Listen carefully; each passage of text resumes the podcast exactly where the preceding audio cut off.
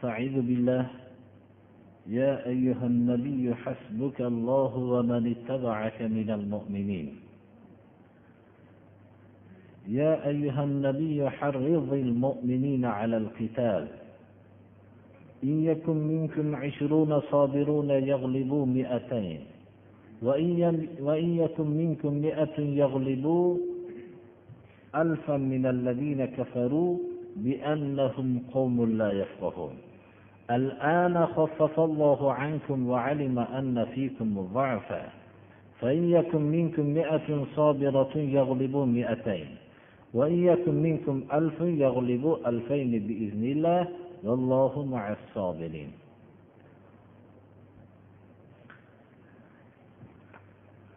subhanahu va taolo islom dinini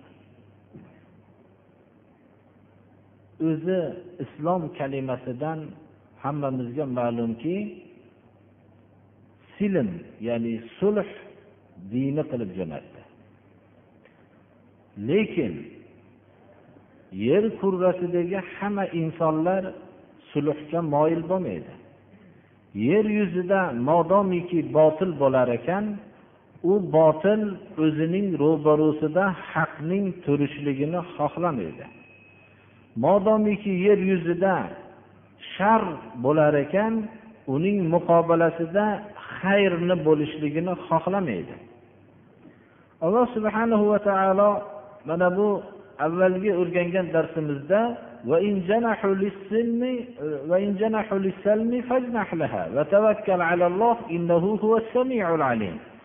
agar sulhga moyil bo'lishsa siz sulhga siz moyil bo'ling.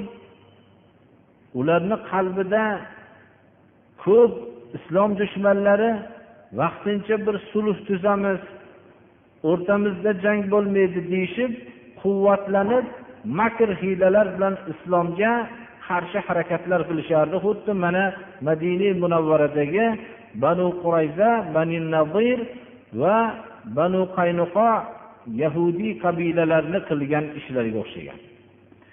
Lekin shunchalik bo'lsa ham islom islomning ashaddiy dushmanlari sulhga moyil bo'lsa alloh subhanahu va taolo rasulini sulhga siz ham moyil bo'ling va ularning qalblarini ollohga tavakkul qiling. Olloh qudratli hikmatli zotdir deb mana avvalgi darsimizda o'rgangan edik bu islom muhabbat ruhini o'zini tobelarini qalbiga o'rnatadi. Va shu birodarlikni islom afzal ko'radi. Olloh yo'lida ya'ni aqida yo'lida bog'langan muhabbatni alloh subhanahu va taolo o'zi maqtaydi va qiyomat kuni hamma do'stliklar bir biridan rishtalari uziladi. Magar olloh yo'lida do'st bo'lganlar bir birlari bilan qiyomatning dahshatlarida ham manfaat yetkazadi. Al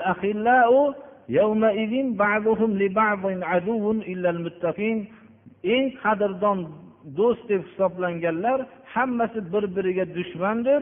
Magar olloh yo'lida do'st bo'lganlar shulargina bir birlariga do'stligida qiyomatning dahshatida ham qolishadi. Rasululloh sollallohu alayhi vasallam aytdilarki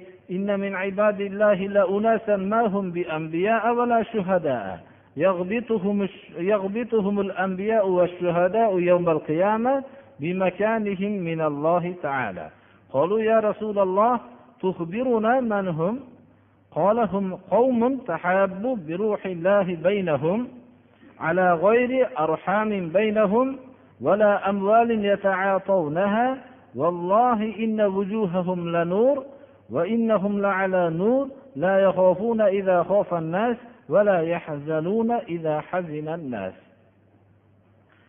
payg'ambarimiz sollallohu alayhi vasallam mana bu do'stlikni ifodalab shunday dedilarki ollohni shunday bandalari borki ular payg'ambarlar emas va shahidlar ham emas ammo payg'ambarlar ham shahidlar ham ularning alloh subhanahu va taolo tarafidan berilgan o'rinlarni qiyomat kuni havas qilib qarashadi.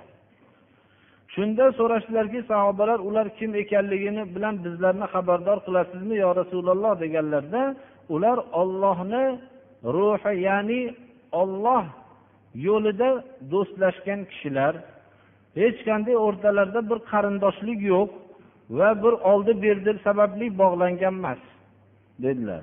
Ular qasamyod qilib aytamanki dedilar yuzlari ham nur nurdan bo'lgan taxtlar ustida bo'ladi dedilar. Odamlar qo'rqib tashvish qilib turgan vaqtda ular qo'rqishmaydi odamlar g'amginlik holatlarida bular g'amgin bo'lmaydi dedilar. Islom shunday do'stlikka chaqiradi lekin bu do'stlikni hamma qabul qilmaydi.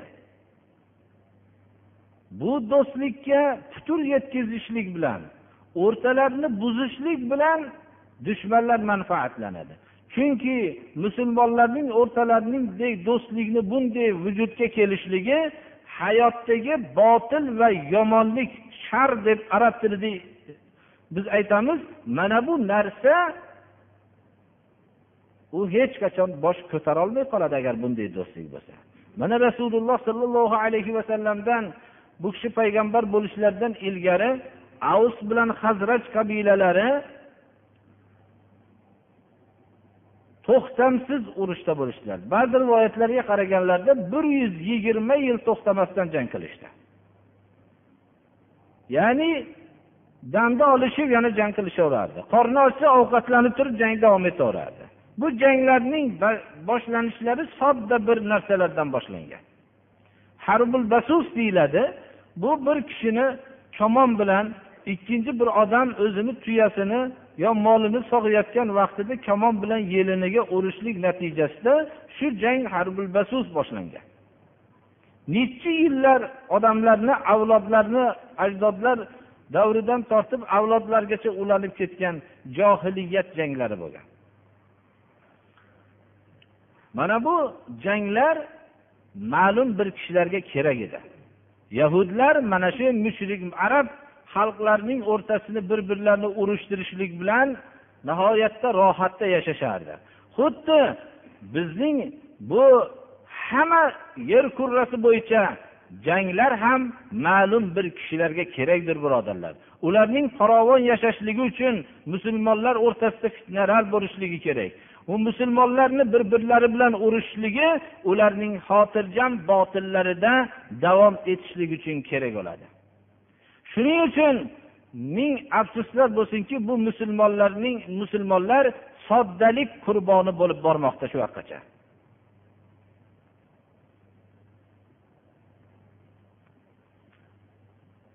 rasululloh sollallohu alayhi vasallam aytdilarki إن المسلم إذا لقي أخاه المسلم فأخذ بيده تحاتت عنهما ذنوبهما كما كما تتحاتت الورق عن الشجرة اليابسة في يوم عاصف وإلا غفر لهما ذنوبهما ولو كانت مثل زبد البحر musulmon kishi ikkinchi bir musulmon bilan ro'baro bo'lsa qo'lini ushlasa uni gunohlari ikkovini gunohlari tushib ketadi xuddi qurigan daraxtdan qattiq shamol esganda barglar tushib ketganday dedilar Shunday agar musulmon kishi ikkinchi musulmon bilan shunday so'rashsa ikkovlarining gunohlari dengiz ko'piklarindaqa ko'p gunohi bo'lsa ham albatta bu gunohlari mag'firat qilinadi dedilar.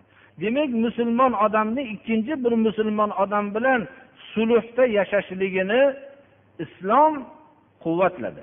Lekin bu sulh birodarlar botil yo'ldagi sulh bo'lmasligi kerak.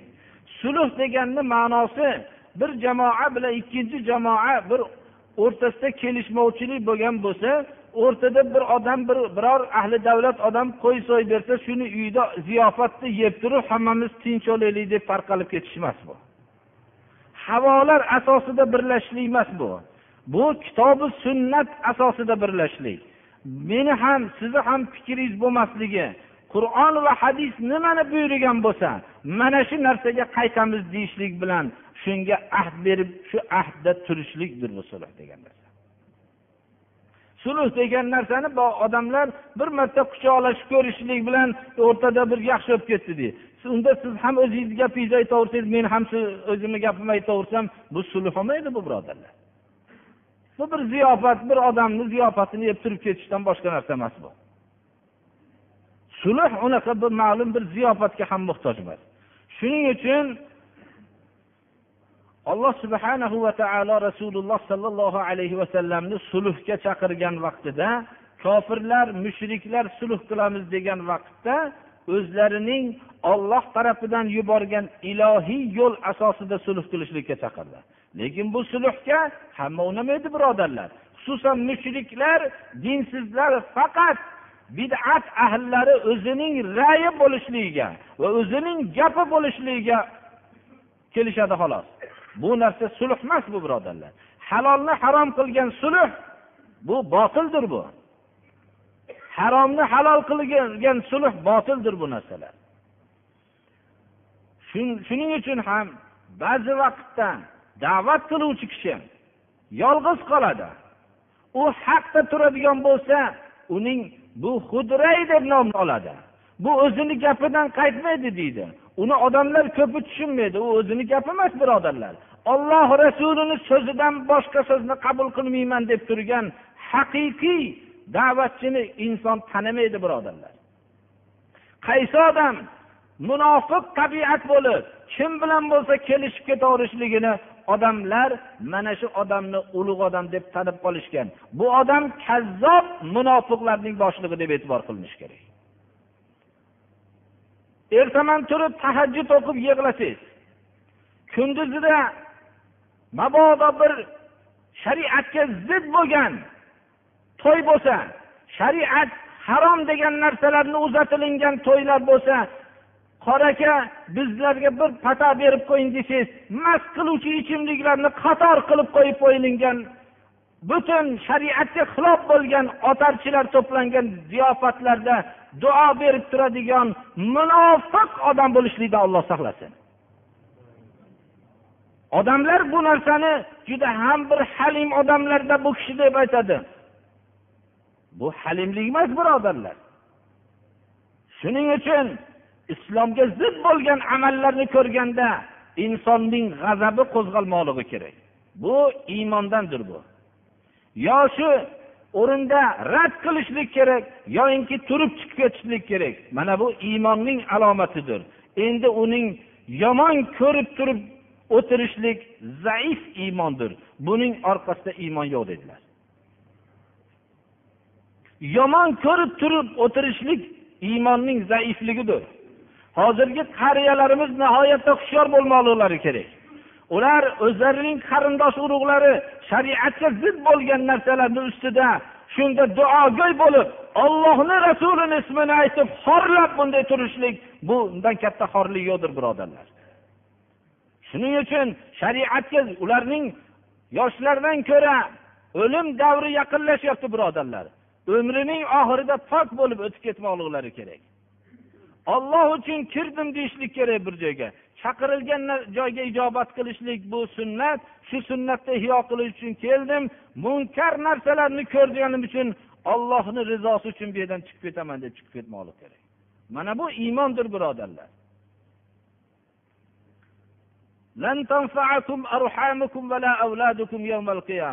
Farzandinglar qarindoshinglar qiyomat kuni sizlarga manfaat yetkazolmaydi hargiz. Shuning uchun do'stlashish ham iymon asosida bo'lmoqligi kerak. Sulh ham iymon asosida bo'lmoqligi kerak. Ana shunday vaqtda inson yolg'iz qoladi birodarlar. Qarindoshlar ichida bunday haqdan barqaror bo'lib turgan odam bu xudbin deb nom oladi. Bu o'zini rayidan qaytmaydigan odam deydi. Vaholanki ular bilib turibdi olloh rasulini so'zidan boshqa yo'lga o'tmayman deyotganligini. Ana shunday vaqtlarda inson mustahkam suyanchiqqa muhtoj bo'ladi. Yori birodarlardan judo bo'lib mahallalardan judolik qarindosh urug'lar yakkalab sen sal yumshasang bo'larda degan so'zlar bo'lgan vaqtda mustahkam suyanchiq alloh subhanahu va taolodan boshqa suyanchiq qolmaydi birodarlar. Ana shu vaqtda rasululloh sollallohu alayhi vasallamga ham shunday holatlar bo'lardi. Olloh yo'lida vatanlaridan judo bo'lgan moli davlatlari talon taroj qilingan muhojirlar bular bilan madina munavvaraga keldilar. Butun makkadagi qarindoshlar bu kishini yakkalab qo'ydilar. Hattoki mana toif voqeasi hammamizga ma'lum shunday soatlar bo'ldi. Madina munavvarada ham yahudlarning uchta mashhur qabilalari musulmonlarga fitnalar uyushtirdi. Madinada yangi dushmanlar vujudga keldi. Ular munofiqlar jamoasi edi mana bu munofiqlar jamoasi nihoyat darajada dushmanliklari qattiq bo'ldi. Rasululloh sollallohu alayhi vasallamni din yangi barpo bo'lgan madinadagi islomiy o'zlarining davlatlariga butun dunyo qarshi bo'lib u kishiga dushmanlik qilishlikning hamma turini boshlashdi. Mana bu vaqtda rasululloh sollallohu alayhi vasallamga ham ba'zi bir kishilar bir yo'l ko'rsatib bir kelishib yumshab tursakmikin degan holat bo'lgan vaqtda alloh subhanahu va taolodan tarafidan nozil bo'lgan mana bu oyatlar u kishiga tasalli va hamda quvvat bo'lardi. Ya ayyuhan nabiyyu hasbukallohu va man ittaba'aka minal mu'minin. Ey payg'ambar sizga olloh kifoya qiladi va sizga ergashgan mo'minlarga olloh kifoya qiladi.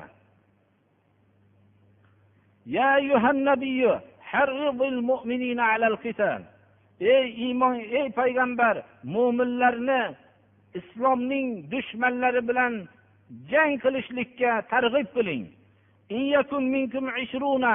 Bu ozlik sizni tashvishga solmasin musulmonlarning ozligi. Sizga ergashgan mo'minlarning ozligi sizni tashvishga solmasin.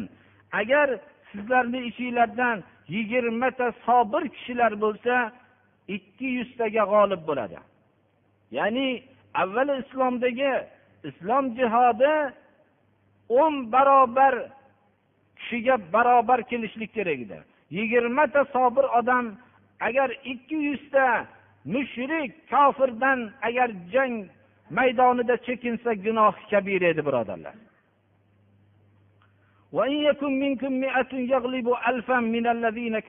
Agar yuzta bo'lsa sizlardan ming kishiga barobar bo'ladi ming kishiga g'olib bo'ladi. Agar yuz kishi ming kishidan chekinsa gunoh kabira edi.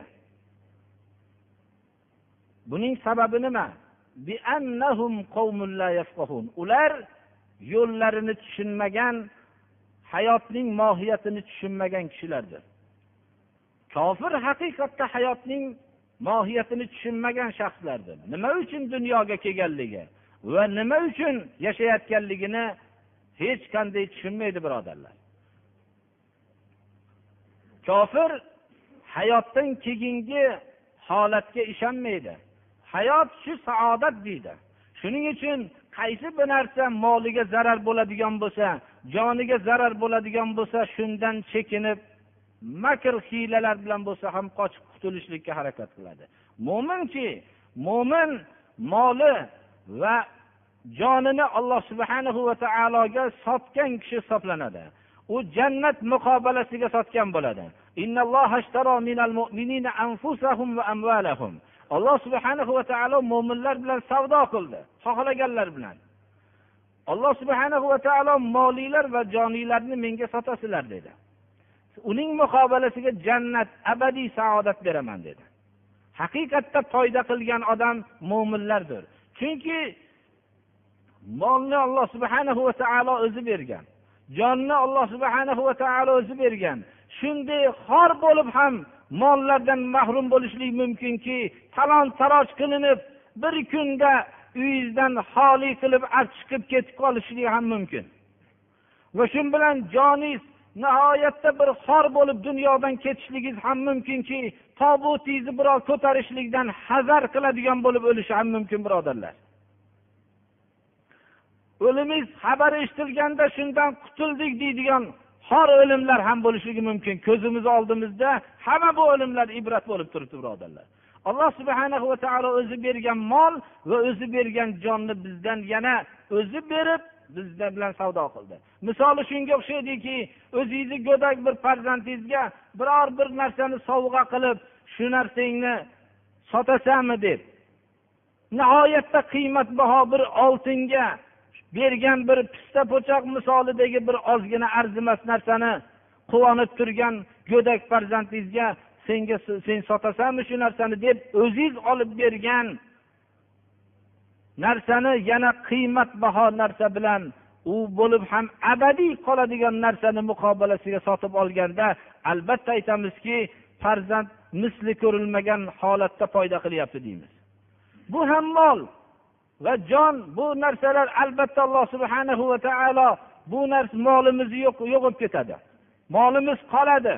Molimizni mohiyati shundayki biz ehtiyot qilib farzandlarimiz uchun olib qo'yayotgan molning mohiyati ham shundan iboratki agar shu vafot qilib ketganingizdan keyin mollarni taqsimlanib farzandlar olib hamma ba'zilari sayyora olib ba'zilari hovli joy olib ba'zilari o'ziga liboslar olib turgan vaqtda mabodo tirilib kelib qolsangiz nihoyatda xonadonda g'amginlik bo'lardi.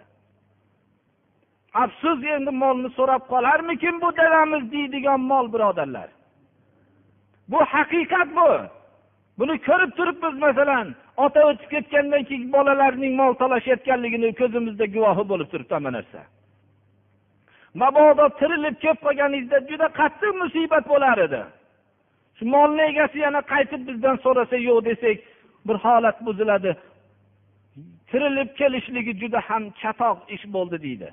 Mana shu mol birodarlar.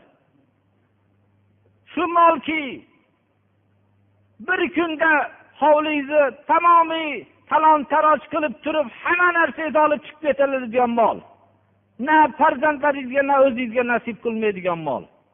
Mana shu molni alloh subhana va taolo abadiy saodat jannatga sotib oldiki bu jannatdagi qo'lingizni artib tashlaydigan sochiq ham ipak liboslardan qiymati chiroyli bo'lgan jannat ziyofatxonasini muqobalasiga sotdi.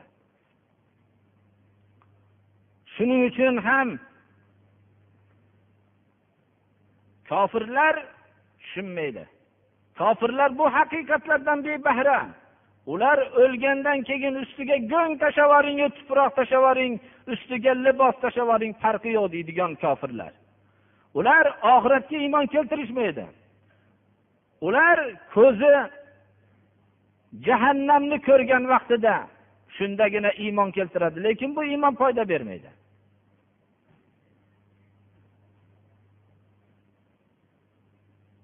الآن خفف الله عنكم وعلم أن فيكم ضعفا فإن يكن منكم مئة صابرة يغلب مئتين وإن يكن منكم ألف يغلب ألفين بإذن الله والله مع الصابرين avval islomda jihod maydonida o'n barobar jamoadan chekinishlik gunoh kabira bo'lgan bo'lsa alloh subhanahu va taolo shu davrga o'zining haqiqiy mo'minlarini tanlagan edi. Ular chekinishmagan edi. Rum lashkarlari bilan ro'baru bo'lgan islom lashkari bir necha yuz barobar ko'p bo'lgan lashkarlardan ham chekinmagan edi.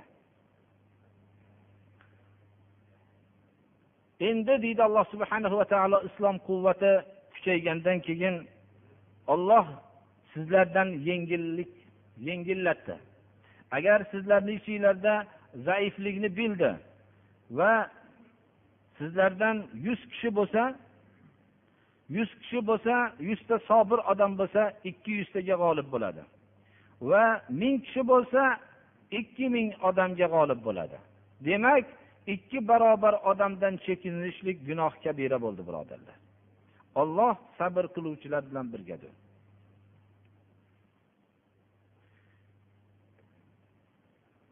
كان لنبي أن يكون له أسرى حتى يثخن في الأرض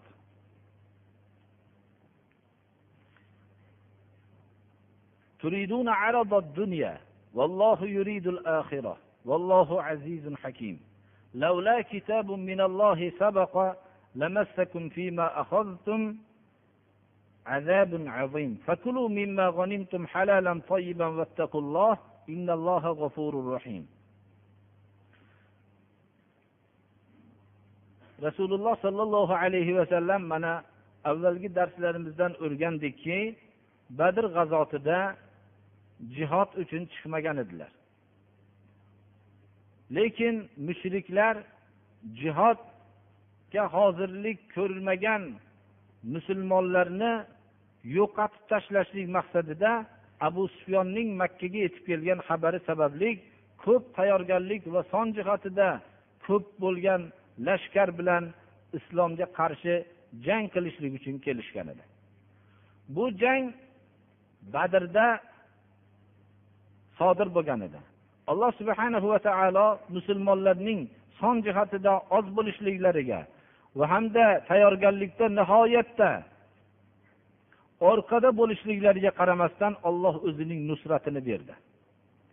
Bu nusratda yetmishta mushrik qatl qilindi va yetmishta mushriklar asir qilindi. Bu asirlar haqida rasululloh sollallohu alayhi vasallam maslahat qilgan edilar. Mana bu hadis shariflar imom ahmad ibn hambalni o'zlarining musnatlarida keltirilgan bu hadislar mana bunga dalolat qiladiki mazmuni shundan iboratki alloh subhana va taolo mushriklarni mag'lub qildi. Bulardan yetmish kishi o'ldirildi yetmishtasi asir bo'ldi. Rasululloh sollallohu alayhi vasallam o'zlarining maslahatchilari abu bakr umar ali roziyallohu anhu ajmain bulardan maslahat so'radilar. Abu bakr roziyallohu anhu aytdilarki bu amaki va qarindosh va aka ukalarning avlodlari yo rasululloh bu asir bo'lib turganlar. Men bulardan fidya olishligingizga maslahat beraman deb fidya ma'lum bir kelishilingan miqdor mablag' bo'lib bu mablag'ni topshirishlik bilan o'zini qutqarib olgan bo'ladida uyiga ketaveradi. Biz olgan narsa dedilar abu bakr roziyallohu anhu bizga quvvat bo'ladi o'zimiz nihoyatda iqtisodiy tarafdan tangmiz kofirlarga zarar bo'ladi dedilar. Va undan tashqari alloh subhanahu va taolo bularni olloh shoyatki hidoyat qilsa va bizlarga yordamchilarga aylanib ketsa dedilar. Rasululloh sollallohu alayhi vasallam umar ibn xattobga maslahat soldilar. U kishi aytdilarki yo rasululloh men abu bakrni rayiga qo'shilmayman dedilar. Chunki islomda har bir kishi o'zining fikrini erkin holatda bayon qilardi. Lekin meni ra'yim shuki falonchi meni qarindoshim ham asir ekan. Shunga menga topshirsangizda imkoniyat bersangiz. Alini ukasi aqil mana mushriklardan edi u ham unga aliga bunga imkoniyat bersangiz. Va hokazo hamzaga falonchi qarindoshiga imkoniyat bersangizda har bittamiz bo'ynini uzsak shu qarindoshlarimizni mushrik dinga qarshi bo'lgan qalbimizda shirk kufrga bo'lgan muhabbat yo'q ekanligi balki nafrat borligini amalda isbotlasak dedilar chunki islomga qarshi bo'lgan ollohi rasuliga qarshi bo'lib bizga qarshi bo'lish bo'lgan bu dushmanlarni har bittamizga qarindoshni ro'para qilsangizda uni bo'ynini olib tashlasak isbotlasakki qalbimizda kufr shirkka bo'lgan nafrat bor ekanligini. Quruq so'z bo'lmasa kufru shirkni yomon ko'rishligimiz. Olloh rasuliga qarshi chiqqan kim bo'lishligidan qat'iy nazar shunga nafratimiz olloh uchun yomon ko'rishlik sifati bizda bor ekanligini isbotlasak dedi.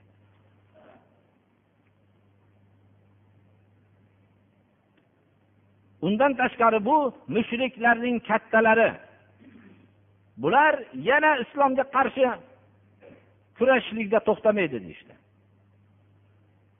Rasululloh sollallohu alayhi vasallam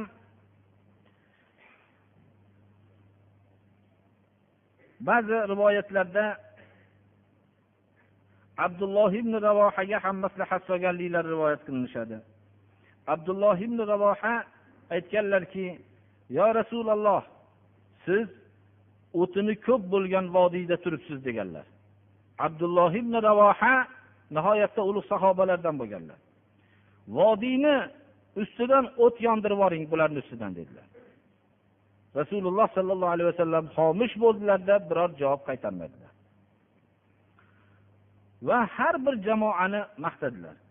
Payg'ambarimiz sollallohu alayhi vasallam abu bakr roziyallohu anhu fikrlarini oladimi yo umar ibn hattobnimi yo abdulloh ibn ravohani fikrini oladimi hamma ko'zlar rasululloh sollallohu alayhi vasallamga tikilgan edi. Bu fikrlarni asirlar ham eshitib turgan edi. Payg'ambarimiz sollallohu alayhi vasallamdagi makorimi axloq aytdilarki alloh taolo ba'zi kishilarning qalblarini shunday muloyim qiladiki sutdan ham muloyim bo'ladi. Abu bakr sizni qalbingizni muloyimligi shunga o'xshaydi dedilar. Ba'zi kishilarning qalblarini alloh taolo shunday qattiq qiladiki toshdan ham qattiq bo'ladi dedilar. Umar ibn hattob sizning qalbingiz shunga o'xshaydi dedilar. Abdulloh ibn ravohani qalbi ham shunday dedilar. Bu tarixdagi payg'ambarlarda hammalarda bo'lgan. Mana ibrohim alayhissalomning qalblari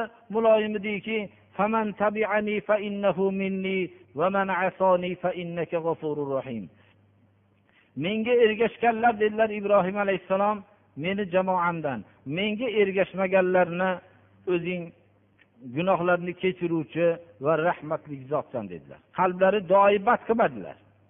Nuh alayhissalomning qalblari shunday qattiq bo'ldiki o'zi ham u kishi olloh rozi bo'lsin juda ham sobir edilar.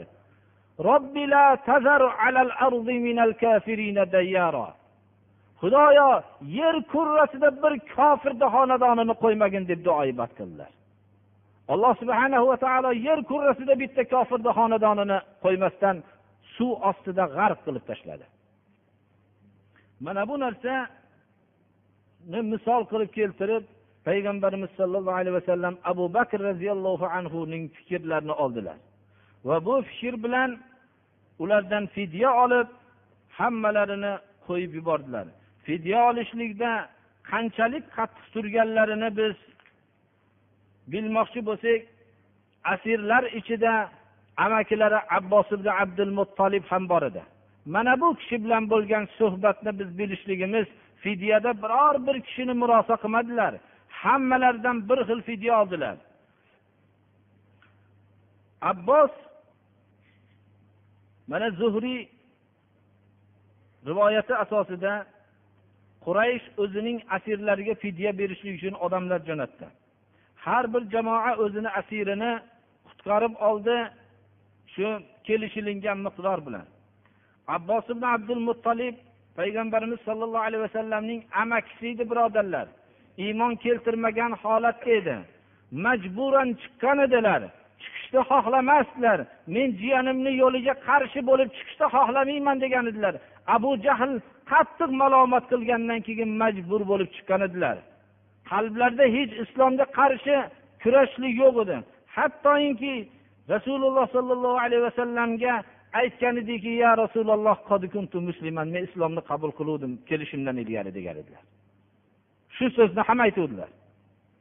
Payg'ambarimiz sollallohu alayhi vasallam aytdilarki allohu alamu bi islamika فإن تكن كما تقول فإن الله يجزيك وأما ظاهرك فقد كان علينا فافتد نفسك وابن أخيك نوفل بن الحارث ابن عبد المطلب وعقيل بن أبي طالب بن عبد المطلب وحليفك عتبة بن عمرو أخي بني الحارث بن فهر agar musulmon bo'lgan bo'lsangiz amakilariga aytdilar olloh biladi. Lekin agar siz islomni qabul qilib bu yerga kelgan bo'lsangiz olloh sizga katta mukofot beradi. Ammo zohirda bizga qarshi bo'lgansiz. Shuning uchun o'zingizni fidyangizni va birodaringizni ikkita o'g'li ya'ni jiyanlaringizni fidyasini va ittifoqdosh bo'lgan do'stingiz amrni uchovini fidyasini o'zingizniki bilan to'rtta fidyani to'lashga majbursiz dedilar. Ya rasululloh. Yo rasululloh deb turibdilar. Ollohni elchisi ekanligini tan olib turibdilar. Menda buncha daromad pul yo'q dedilar. Shunda rasululloh sollallohu alayhi vasallamga alloh subhanahu va taolo bildirgan edi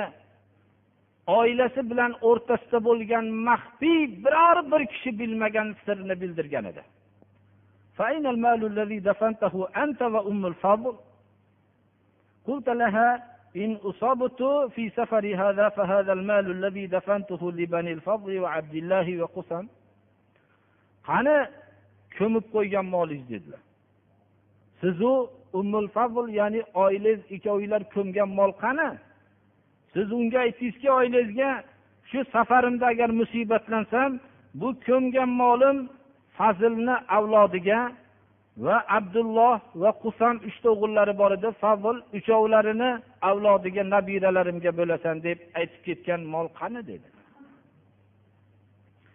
shunda vallohi ya rasululloh inni la a'lamu annaka rasululloh إن هذا لشيء ما علمه أحد غيري وغير أم الفضل men bilamanki siz bu ollohni elchisiz. Bu xabar sizga olloh tarafidan bu sir men bilan ummul fabul ya'ni oilam o'rtasidagi sir edi biror kishi bilmasdi dedilar. Mana bu narsa hatto oxirgi nuqtasigacha fidyani to'rt kishining fidyasini abbos ibn abdul mutolibdan oldilar.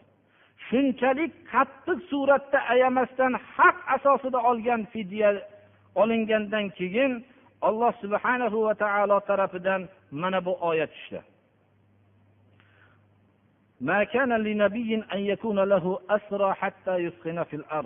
Payg'ambar uchun asirlar bo'lishligi mumkin emas yerda jihodni qattiq qilmaguncha. Bunday soatda bunday asirlarga nisbatan fidya olib muomala qilishlik mumkin emas payg'ambarga degan oyat tushdi. Oyat umar ibn hattobning fikriga muvofiq tushdi. Dunyo matosini maqsad qilasizlarmi? Vallohu yuridul axirah olloh sizlarga oxiratni iroda qiladi.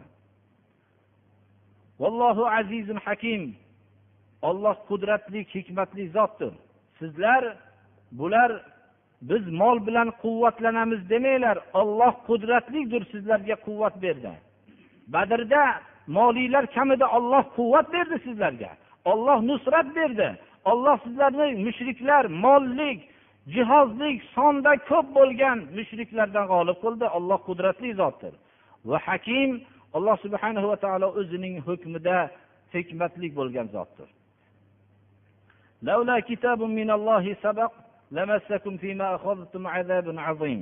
Agar olloh tarafidan hukm o'tmaganda ya'ni badr ahlini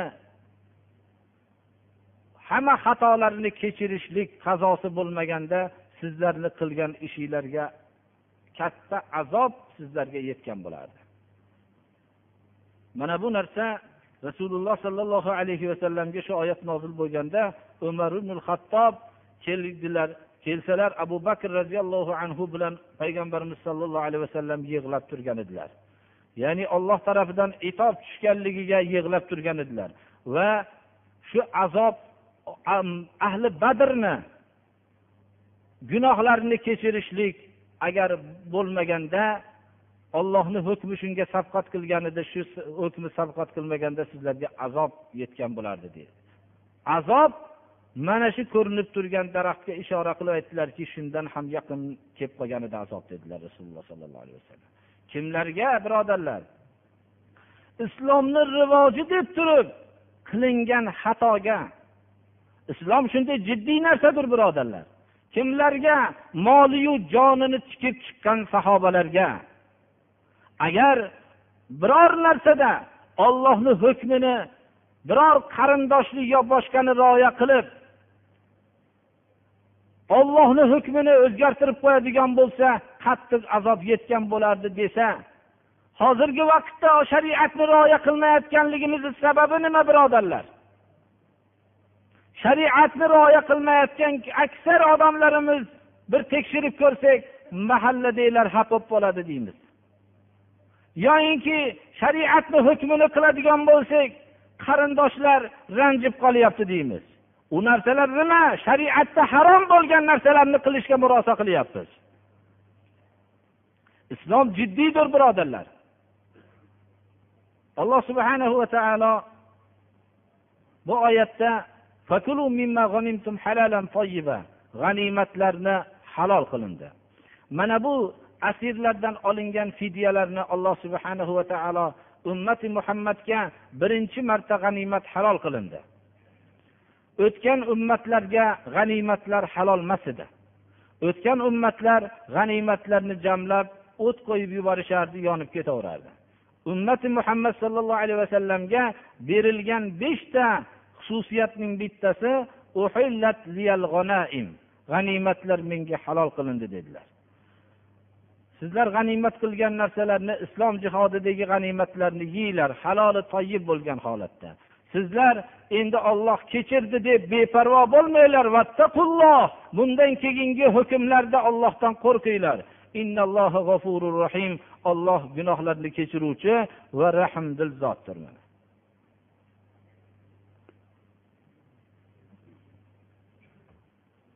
bu yerda birodarlar endi har xil savollar ham bo'lyapti. Ko'p bo'lardi biz javob bermasak. Turmushi yo'q ayollar oilasi yo'q er kishilar turmush qil deb targ'ib qilinsa hujjat so'rayapti deb bir odam xat yozibdi. Ya'ni buni biz aytamizki ayollar turmushi bo'lmasa turmush qilishlari kerak. Chunki ular pokiza bo'lib e'tibor qilinishadi. Chunki turmushi yo'q ayolning sha'niga har xil tuhmatlar bo'lishligi mumkin. Va sekin asta nazoratchi bo'lmaganligidan har xil fitnalarga giriftor bo'lib ketishligi mumkin. Safarlarga chiqishligi mahramsiz mumkin emasdir. Farzandi aka ukalari bo'lgandagina safarga chiqa olmaydi. Turmush o'rtog'i bo'lsa safarga chiqishlikka qulay bo'ladi. Hamma tarafdan ham turmush qilishlari kerak bo'ladi. Er kishilar ham turmush qilishlari kerakki ba'zi lekin ayollarda ham xato bor deb ko'p erkaklar aytadi turmush qilgani unamaydi deb lekin erkaklardagi xato ham ayollardagidan kam emas birodarlar. Biror bir agar tul erkak kishiga ikkita uchta to'rtta beshta yetimi bor kishilarni ayollarni topib turmush qiling desa bu yukni men nima qilaman deydi. Shu yetimlarni boshini silashlik unga vazifa yuk deyiladi. Unga bu turmush kerak emas. U farzandi bor bo'lgan ayoldan turmush qilishlikdan voz kechadi. Shuning shunday e'tiqodli erkaklar vujudga kelganligi uchun turmush qilishlikni xohlamaydigan ayollarni ham alloh vujudga keltirdi. Bu hammasi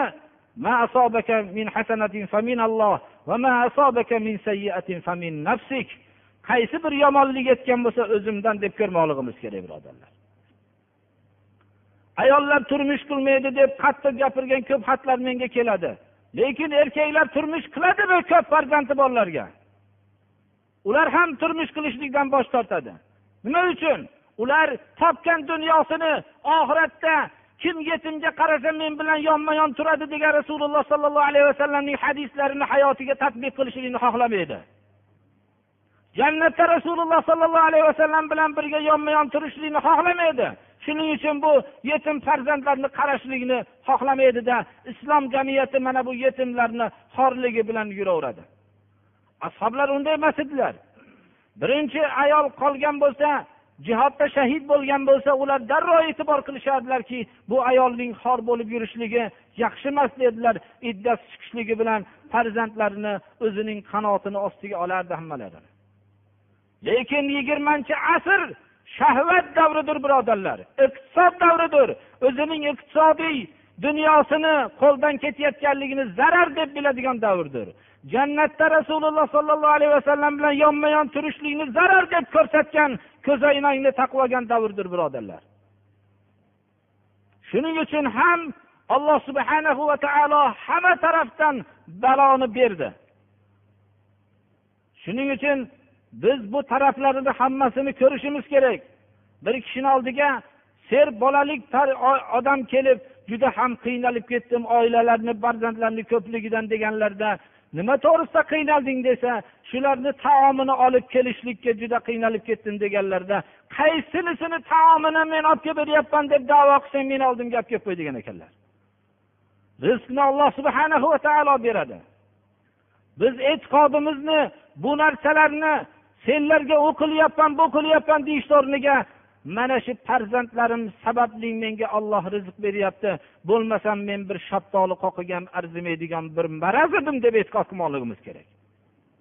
Siz turmush qilayotgan odamlarni afifa pokiza ayollar turib uyda o'tirgan farzandlarini qarab turgan ayollarni tashlab qayerdagi ko'chada yurgan shularni havas qiladigan erkaklar ozmas birodarlar.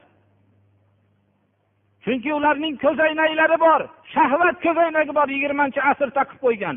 Iqtisod ko'zoynagi bilan qaradi hayotga. Ular boshqa narsa bilan qarashmaydi birodarlar. Demak bu musibatni tortishlikdan boshqa chora yo'q modomiki qalblar o'nglanmasa.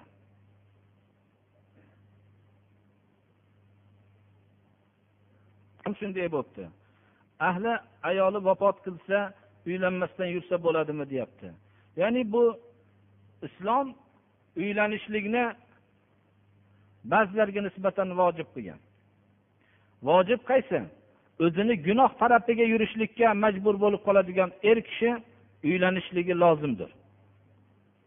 Agar keyin bu narsani rasululloh sollallohu alayhi vasallam sunnat qilganlar deb uning u darajada ehtiyoji yo'q bo'lsa o'zini tiyib ro'za tutib yursa bu narsa bir tark sunnat qilib yurgandekdir ba'zi bir kishilar ayolga hojatim yo'q meni endi desa u narsa u kishilarning uylanmasligiga ruxsat bo'ladi birodarlar. Bu hamma umuman hammaga bir xil aytiladigan so'z emas bu. Balki uylanmaslik zarur ham bo'lib qoladiki masalan o'zida shu vazifani o'tashlikka bo'lgan quvvatni his qilmasa. Bu yerda har xil najot so'rash ilm so'rash uchun qaysi uxroviy manfaatlarni tilab qaysi namozlarni o'qilishi kerak debdilar. Bizga endi ko'rsatilingan faqat ibodatlarni o'qiveramiz ma'sur namozlar bor bu narsalar bizni peshin darslarimizda mukammal suratda o'tgan. Bu endi juda uzoq vaqtni oladi. Payg'ambarimiz sollallohu alayhi vasallam ma'lum bir vaqtlarda namoz o'qiganlar shu ma'sur bo'lgan namozlarni o'qishimiz kerak. Hop birodarlar boshqalar bir duo qiling debdilar bittalari aytibdilarki men og'ir kasalim bor. Bir duo qilinglar. Ko'p davolar qildim u yaxshi bo'lolmayapman debdilar bu dardlarni aytmaymiz. Alloh subhanahu va taolo shu og'ir dardiga shifo bersin. Bu sirojiddin akamiz betobligi to'g'risida shu farzandlari xat yozibdi. Alloh subhanahu va taolo shifoi tomma bersin. Ba'zi kishilar men ollohni yo'lida ilm talab qilmoqchiman safar qilmoqchiman debdilar. Alloh subhanahu va taolo ilmiga rivoj bersin amal qiladigan ilm bersin dunyo uchun ilm talab qilmaydiganlardan qilsin oxirat uchun ilm talab qiladiganlardan qilsin. Bir kishi farzandlari og'ir betob ekan alloh subhanahu va taolo shifo bersin hech kimga muhtoj qilmasdan o'zini huzuridan shifo bersin. Hamma ahli islomlarning kasallariga alloh taolo shifo bersin. Alloh subhanahu va taolo farzandlari betob bo'lsa shifo bersin. Alloh subhanahu va taolo o'tgan ajdodlarimizga rahmat qilsin. Qolganlarni islomga muvofiq hayot kechirishlikka alloh taolo nasib qilsin. Alloh subhanahu va taolo farzandlarimizni solih solihalardan qilsin. O'zimizni amallarimizni kitobi sunnatga muvofiq bo'lishligiga alloh tavfiq bersin. Alloh subhanahu va taolo islomga yordam berayotganlarga yordam bersin. Islomga zarar yetkazayotganlarga alloh kifoya qilsin. alloh subhanahu va taolo jahondagi mustadafillarga o'zi najot bersin. Va sallallohu taala ala xayri xalqihi muhammadi va alihi va ashabihi alloh subhanahu va taolodan taqvo qilishlikka avvalo o'zimni va sizlarni vasiyat qilamanki taqvo qilishlik alloh subhanahu va taolo huzurida mukarram bo'lishlikka sabab bo'ladigan sabablarning birinchisi alloh subhanahu va taolo o'zining kalomida inna akramakum indallohi atqokum sizlarning mukarram hurmatliginglar ollohni huzurida eng taqvodoriylar deb yod qilyapti. Odamlar huzurida soxta obro'lar qo'lga keltirilishligi mumkin ammo ollohning huzurida soxtalik bozori kasad bo'ladi birodarlar. Bu yerda taqvo asosida hayotini o'tkazgan kishilargina ollohni huzurida mukarram bo'ladi. Agar bir kishi ollohni huzurida mukarram bo'lsa odamlar huzuridagi u hurmatsizligi zarar qilmaydi. Lekin olloh huzurida mukarram bo'lgan odam hech qachon xor bo'lmaydi hayotda ham. Chunki muhabbat va adovat odamlarning yomon ko'rishlari va yaxshi ko'rishlari ba'zi shartlar asosidagina faqat bu osmoniydir alloh subhanahu va taolo bir kishini yaxshi ko'rishsa e'lon qiladi maloikalar huzurida maqbul bo'ladida keyin odamlar huzurida maqbul bo'ladi.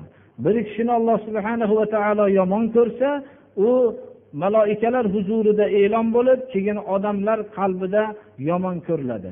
Buning misolini hayotda ko'rsak bo'ladi. Birdaniga hamma odamlar huzurida suyimli bo'lib turgan odam bir daqiqada hurmatsiz bo'lib qoladi.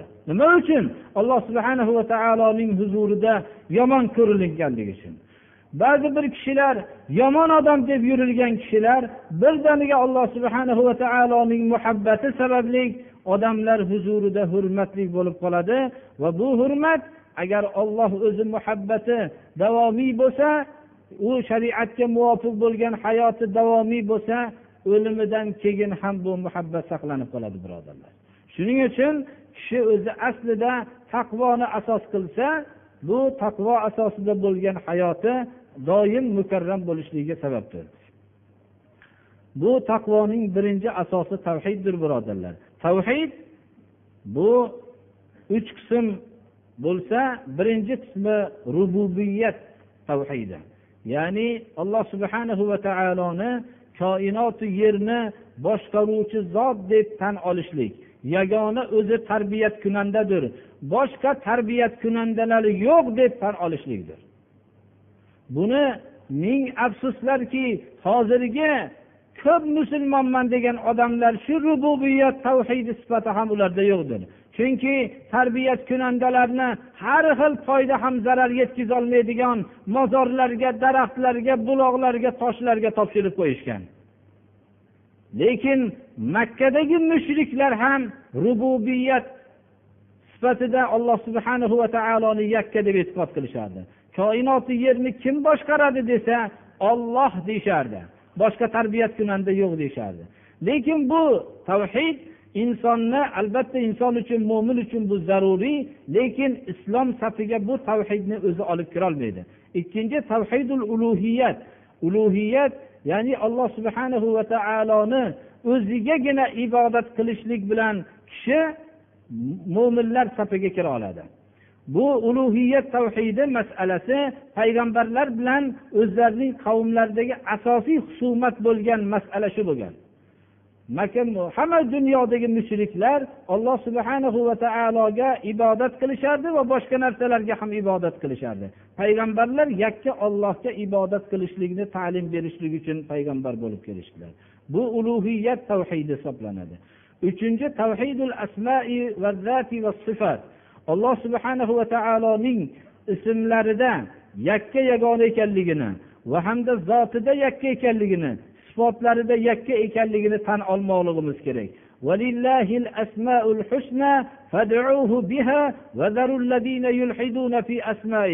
Ya'ni asmoul husno alloh subhanahu va taoloning o'zigagina xosdir. Yaxshi nomlar alloh subhanahu va taoloning ismlari kitob va sunnatda zikr qilingan ismlar va sifatlarni hammasini tasdiq qilib bu ism va sifatlarni alloh subhana va taoloning o'zigagina xoslab tushunmoqlik bu ism va sifatlardagi tavhid ma'nosidir. Bu uchala tavhidni bilishlik taqvo yo'lining birinchi qadami hisoblanadi birodarlar.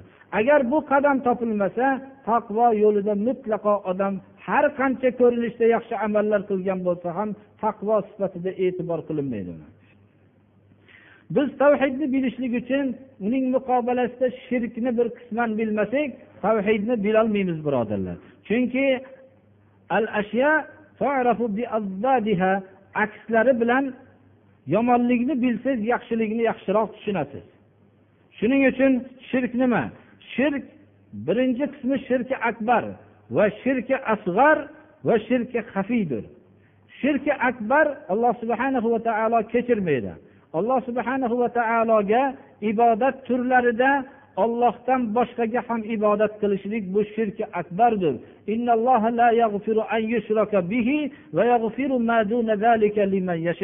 Alloh subhanahu va taolo bunday shirki akbarni qilgan odamga jahannamdan chiqmaslik bilan vaid qildi. Bu jahannamdan chiqmaydi va o'tgan amallari hammasi habata bo'ladi. Kim bo'lishligidan qat'iy nazar. Shuning uchun shirki akbar ibodat turlarini hammasini ibodat turlari avvalgi dars va xutbalarimizda bayon qilinyapti. Shu ibodat turlarini ollohdan boshqaga ham qilishlik shirki akbardir birodarlar. Shirki asg'ar bu riyodir. Riyo shirki asg'ar bu qattiq gunohkor bo'ladi. agarki amallari habata bo'lmasa ham alloh subhana va taolo bu riyo bilan qilgan amalini qabul qilmaydi va katta gunoh qilgan bo'ladi riyo alloh subhanahu va taolo qabul qilmaydigan amaldir من كان يرجو لقاء ربه فليعمل عملا صالحا ولا يشرك بعبادة ربه أحدا رب rob taologa ro'baro bo'lmoqchi bo'lsa o'zini mukofotlarini rob taolodan olmoqchi bo'lsa o'zi solih amalni qilsin qilgan amalida hech bir narsani shirki hafiy bu rasululloh sollallohu alayhi vasallam ba'zi bir hadislarda rivoyat qilindi ba'zi kishilar buni abdulloh ibn abbosga ham mansub deyishadilar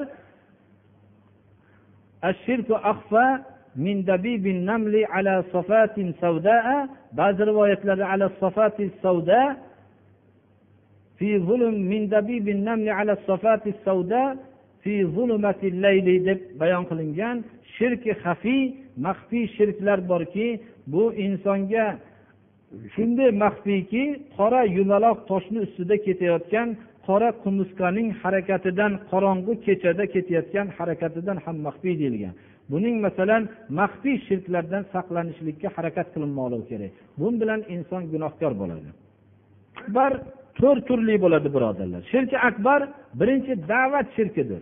Da'vat shirki duoni ollohdan boshqaga qilishlik bu shirki akbardir. Duo ibodatning asosiy negizidir. Bu ibodatni ollohdan boshqaga qilganlar najot topmaydi birodarlar. Ud'uni astajib lakum dedi alloh taolo duo qilinglar ijobat qilaman.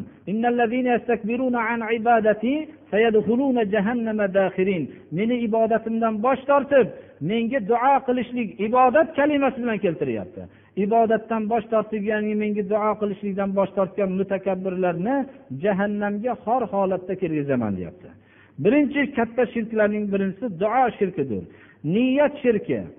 ya'ni niyat shirk niyat bilan ham mushrik bo'ladi birodarlar agar qilgan من كان يريد الحياة الدنيا وزينتها نوفي إليهم أعمالهم فيها وهم فيها لا يبخسون أولئك الذين خسروا أنفسهم أولئك الذين خسروا في الحياة الدنيا وحبط عنهم ما كانوا يعملون أو boshqa ibora bilan bo'lsa ham ya'ni man kana yuridul hayata dunya وزينتها نوفي إليهم أعمالهم فيها وهم فيها لا يبخسون kim hayoti dunyo va ziynatini iroda qilsa din o'qishidan ham maqsad shu ilm o'qishidan ham maqsad shu faqat dunyo hayotiyu ziynati bo'lsa ularga komil suratda beramiz to'la beramizda ammo ularga oxiratda hech narsa yo'q mana bu ular uchun hech qanday oxiratda bir nasibasi yo'q bo'lgan odamlar shular deyapti alloh taolo demak niyat shirkini agar saqlanmasa alloh subhana va taolo uni kechirmaydi shirki toa itoat shirki اتخذوا أحبارهم ورهبانهم أربابا من دون الله والمسيح ابن مريم وما أمروا إلا ليعبدوا إلها واحدا لا إله إلا هو سبحانه عما يشركون o'zlarining yahudlar olimlari va nasorolar o'zlarining olimlarini ollohdan tashqari rad qilib olishdi. Ya'ni ular haromni halol qilib berishsa halolni harom qilib berishsa ollohni halol qilganligiga itoat qilmay olimlarini halol harom deb e'tiqod qilgan narsalarga itoat qilishib ketdi ollohni halol haromiga zid bo'lgan narsalarga. Shuning uchun ularni alloh subhanahu va taolo o'zlarining olimlarini rad qilib oldi deyapti. Payg'ambarimiz sollallohu alayhi vasallam tafsir qilib aytdilarki adi ibn hotimga shu ollohni hukmiga qarshi bo'lgan hukmni olimlar aytib berganda qabul qilishlikni ibodat qilish deb tafsir qildilar. Demak bu shirki toa itoat shirki. Alloh subhanahu va taolo buni kechirmaydi. Shirkul muhabba ومن الناس من يتخذ من دون الله أندادا يحبونهم كحب الله agar ollohni yaxshi ko'rgandek boshqa o'zining butlarini yaxshi ko'rishlik bu muhabbat shirkidir muhabbat sababli itoat vujudga keladi mana bu narsa shirkul muhabbadir bu bilan alloh subhana va taolo bu shirk amriga ergashishlik bilan ollohni muhabbatini isbot qilinadi. Agar rasuliga ergashmaslik bilan bo'lsa birodarlar bu muhabbat kizib bo'ladi birodarlar. Shuning uchun rasululloh sollallohu alayhi vasallamning qilgan amallari sunnatdir. Sunnatlari birinchi buyurgan so'zlari bor. Bunda itoat qilishlikka majburmiz. agar bu buyurgan so'zlarga itoat qilmasak bizga fitna yo katta azob kelishligi muqarrardir. Alloh subhana va taolo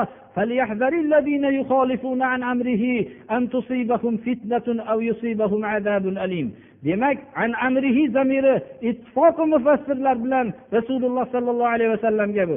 Rasululloh sollallohu alayhi vasallamning sunnatlari buyurilgan sunnatlarni qilmasak bizga fitna yoinki alamlantiruvchi azob yetadi birodarlar. Sunnatlarning ikkinchi qismi o'zlarining shamoillari buyurmasdan qilgan amallari. Bu narsani qilishlik albatta ajr va muhabbatimizning dalili bo'ladi. Uchinchisi taqririy sunnatlari.